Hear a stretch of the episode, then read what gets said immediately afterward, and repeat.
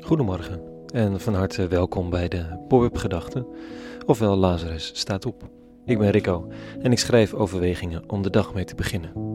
Vandaag met de titel Wie maakt van oude gewoontes nieuwe wijn? Pop-up Gedachten donderdag 7 januari 2021.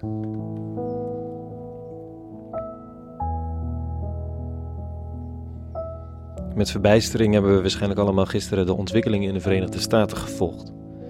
Extremistische aanhangers van een om oproer brullende dictator bestormen regeringsgebouwen. Er vallen vier doden en 52 gewonden. Een ooit tot zijn schrik, zo zegt men verkozen president, wilde aan alle kanten juridisch geverifieerde uitslag van de verkiezingen terugdraaien. Als dat zou lukken, zou er dan ooit nog een verkiezingsuitslag geaccepteerd worden? Het is niet de eerste keer dat er in democratische landen zoveel geweld wordt gebruikt om de loop van de politieke geschiedenis te beïnvloeden. Het is wel ellendig en gevaarlijk. Een Nederlandse journaliste loopt tussen de gewelddadige aanhangers van Trump en vraagt wat de redenen zijn. Men roept dat ze Amerika terug willen, dat de verkiezingen niet gestolen mogen worden, maar ook dat ze bang zijn hun land kwijt te raken.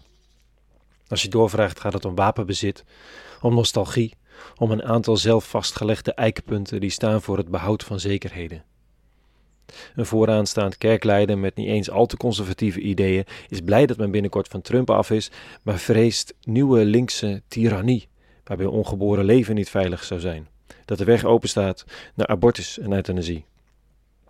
Men lijkt een oude reinheid te willen behouden. De een wil zijn geweer mogen poetsen en zijn eigen stukje land verdedigen, zoals dat in elke westernfilm wordt geromantiseerd. De ander wil die eikpunten voor wat in zijn of haar ogen christelijkheid is bewaken en hangt dat op aan, aan de medisch-ethische discussie over de randen van wat menselijk en, wenselijk en mogelijk is, met betrekking tot ongeboren leven en de beëindiging van leven. Ik noem het vandaag oude reinheid vanwege het verhaal dat ik vanochtend lees. Het is Jezus van Nazareth die op een bruiloftsfeest aanwezig is waar de wijn opraakt. Zijn moeder heeft het idee dat haar zoon, de rabbi, er iets aan kan doen. Wat ik niet snap.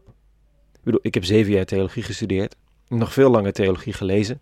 Moeder heeft gehoord dat ze de zoon van God gebaard heeft, de lang verwachte Messias, iemand die een politieke religieuze omwenteling teweeg zou moeten brengen, als lang verwachte zoon van de grote koning David, en ze verwacht dat hij zijn wereldwijde campagne misschien wel kan starten op een bruiloftsfeest feest door wijn te toveren. Wat is dit voor boek? Jezus reageert dan ook met: Vrouw, is het soms uw zaak? Nog is mijn uur niet gekomen. Maar zijn moeder sprak tot de bediende: Doe maar wat hij u zeggen zal. Mama kent haar Pappenheimer blijkbaar. Zou het echt de eerste keer zijn dat hij iets wonderlijks doet? Of hebben we wat gemist? Ik begrijp Maria niet. Maar misschien ben ik gewoon niet katholiek genoeg.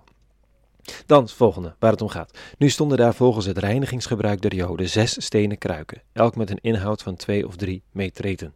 Schijnt veel te zijn. Jezus zei hun: Doe die kruiken vol water.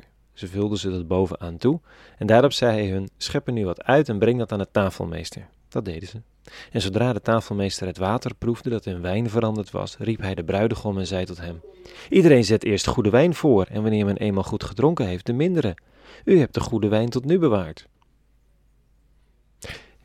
In al mijn lezingen van dit verhaal ging het altijd over de bizarre hoeveelheid wijn die de Messias maakte, of over de kwaliteit van de wijn, of over het feit dat hij met wijn zijn campagne inluidt.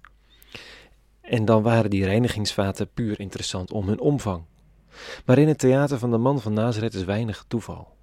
Een reinigingsvaat gebruikt een borden, vaatwerk, handen en wat niet al te reinigen, kenmerk van het Joodse volk, identiteitsmarkers, zoals het tweede abonnement dat is. Wapenbezit, het gebruik van religieuze taal in de politiek of, of Zwarte Piet als volksvermaak. En zo nog het een en ander. Identiteitsmarkers.